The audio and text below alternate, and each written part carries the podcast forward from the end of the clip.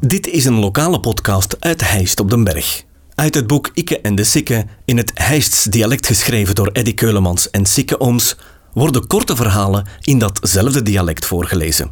Dit vertelselke werd ingesproken door Eddy Keulemans. Badentroep. Vroeger, als je aan de UNIF zat of hoger onderwijs volgde en je wordt dienstplichtig, dan moest je elk jaar uitstel van legerdienst aanvragen. Of je vlogt met klikken en een klakken bij de troep. De meskes niet, want die werden ene keer is positief gediscrimineerd. Die moesten het land niet verdedigen. Ze beseften niet half hoe gelukkig dat ze waren. Je kon dat uitstel natuurlijk pas intrekken op het moment dat je een diploma vast had. En voor mij was dat eind juni 78, toen dat ik op de pierre met dat papiertje van ingenieur vast kreeg.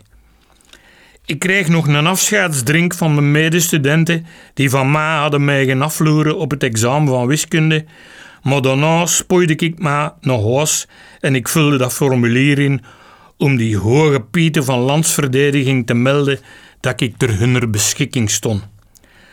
Na een paar weken kreeg ik taning dat ze al het mogelijke gingen doen om maar zo rap als het kon op te roepen voor de dienst. Terwijl ik daarop zat te wachten, verkende ik de arbeidsmet. Maar overal kreeg ik hetzelfde antwoord. Kom dus terug als je bij de troep geweest zet, Fenke. Ik geef Elle te groeien wanneer dat ik eindelijk binnen mocht. In februari van 79, alstublieft. Acht maanden nadat ik afgestudeerd was. Op het klein kasteeltje kijken of dat je platvoeten had, ja of nee. En daarna vroeg hem of dat ik misschien geren in België bleef liggen. Ik koos natuurlijk voor de frontlinie in Duitsland, want dan moesten we acht maanden doen in plaats van tien. Allee verrood, ik mocht als ambulancier bij de genie, want ze gaan natuurlijk direct gezien dat ik een hele slimme was. Een munt in Gent in de Leopoldkazerne, dat ging nog. Maar daarna, zeven mannen in Bensberg achter Keulen, in de infirmerie. Wel, waren de mannen van de medical. En als we in het weekend van dienst waren, dan stonden we gans alleen in een grote apotheek. En we hadden een stuk of drie KRO-dokters, die hele doktersgeschrift aan het inoefenen waren. En als die dan op congé waren in België, dan stonden wel dikjes met een man of drie rond zo'n vuistschriftje om te zien wat dat, wat dat me aan dat boefervraken moesten meegeven om het zieke boeferkinneke te helpen genezen. Onverantwoord tot en met, maar dat vonden ze bij de troep niet meer als normaal. We gaan in die infirmerie een eigen keuken. Maar daar mocht niks eetbaar aanwezig zijn. Logica van Badentroep. Maar aan die legerorders veegden wel dik ons voeten, want in onze apotheek lagen wel tien soorten condooms en acht verschillende soorten van de pil. En wel verwisselden die marchandise met de mannen van de mesofficieren.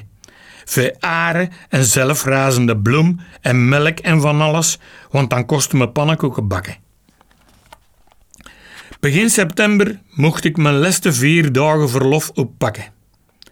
Ik haal terug wat langer haar, want ik foefelde dat elke dag onder mijn klak en achter mijn oren. Een jonge korporaal had mij een lift aangeboden. Er zaten dus toch goeie buffers tussen.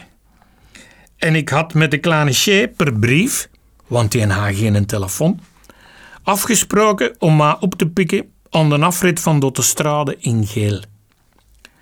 De dag dat we gingen vertrekken, kwam die Xavier Waterslager smergens ons infirmerie binnen en hij zei: Sorry, Eddy, maar ik moet wat vroeger vertrekken, want ik moet deze noen in Antwerpen op de rechtbank zijn. Weet je wat dat je doet? Ga naar de CSM en vraagt dat je ook een paar uurtjes vroeger weg mag. Dus ik naar die bureau van de CSM. Ik klopte op die deur. Ik mocht binnen. Ik salueerde en ik expliqueerde beleefd, maar nooit geval. Weet je wat dat die rotzak antwoordde? Je weet toch dat miliciëns geen halve dagen verlof kunnen krijgen? En eh, ik zie dat uw haar veel te lang is. Maak maar dat je bij de coiffeur zit, of je vertrekt vanavond helemaal niet.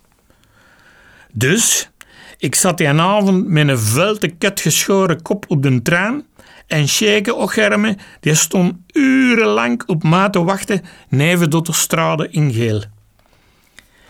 Ik telde af van dag tot dag en van minuut tot minuut. En de 30 september van 79 was ik dan ook zo bla als een kermisvogel dat ik daar belachelijk legerkostuumetje vergoed mocht uittrekken. En ik zong van hen tot hen op de trein van Keulen naar Leuven en van Leuven tot in Hest, dat lieken van Vergeet de wadendroep en de droevige dagen en van Smeerlappige zaden ons kwaad. Die droevige dagen hebben maar veel geld gekost, noemde Ju, want ik kon pas echt de arbeidsmet op 15, 15 mannen, nadat ik een diploma gehaald had. Dank u wel en merci. Als ik later even aan de toog zat en dat begon wij zo'n loser te wauwelen van de troep, dat was de schoonste daad van mijn leven, dan dacht ik altijd bij mijn nagen, waarom heb dan niet bagetekend, snulleke, als dat dan toch zo plezant was? Want zeg nou zelf, wie werd er negeren op een ontiegelijk uur op zijn bed gezet om onder een vlaggenstok te staan salueren? Wie let na negeren van smergens tot s'avonds met zijn voeten spelen? Deed een hoop gefrustreerde onderofficiers. En wie het er na negeren van velte dikke spaghettipieten met cornet buff in plaats van mij gekapt? Was ik ik blij zeg dat ik van die troep en die bende boefers vanaf was. Het heeft nog vijf mannen geduurd voordat ik geen pelletjes meer in mijn haar had. Van die stomme klak de hele dag op een kop. Maar God weet, hadden dat ons misschien wel terug aangevallen als ik daar niet gezeten had.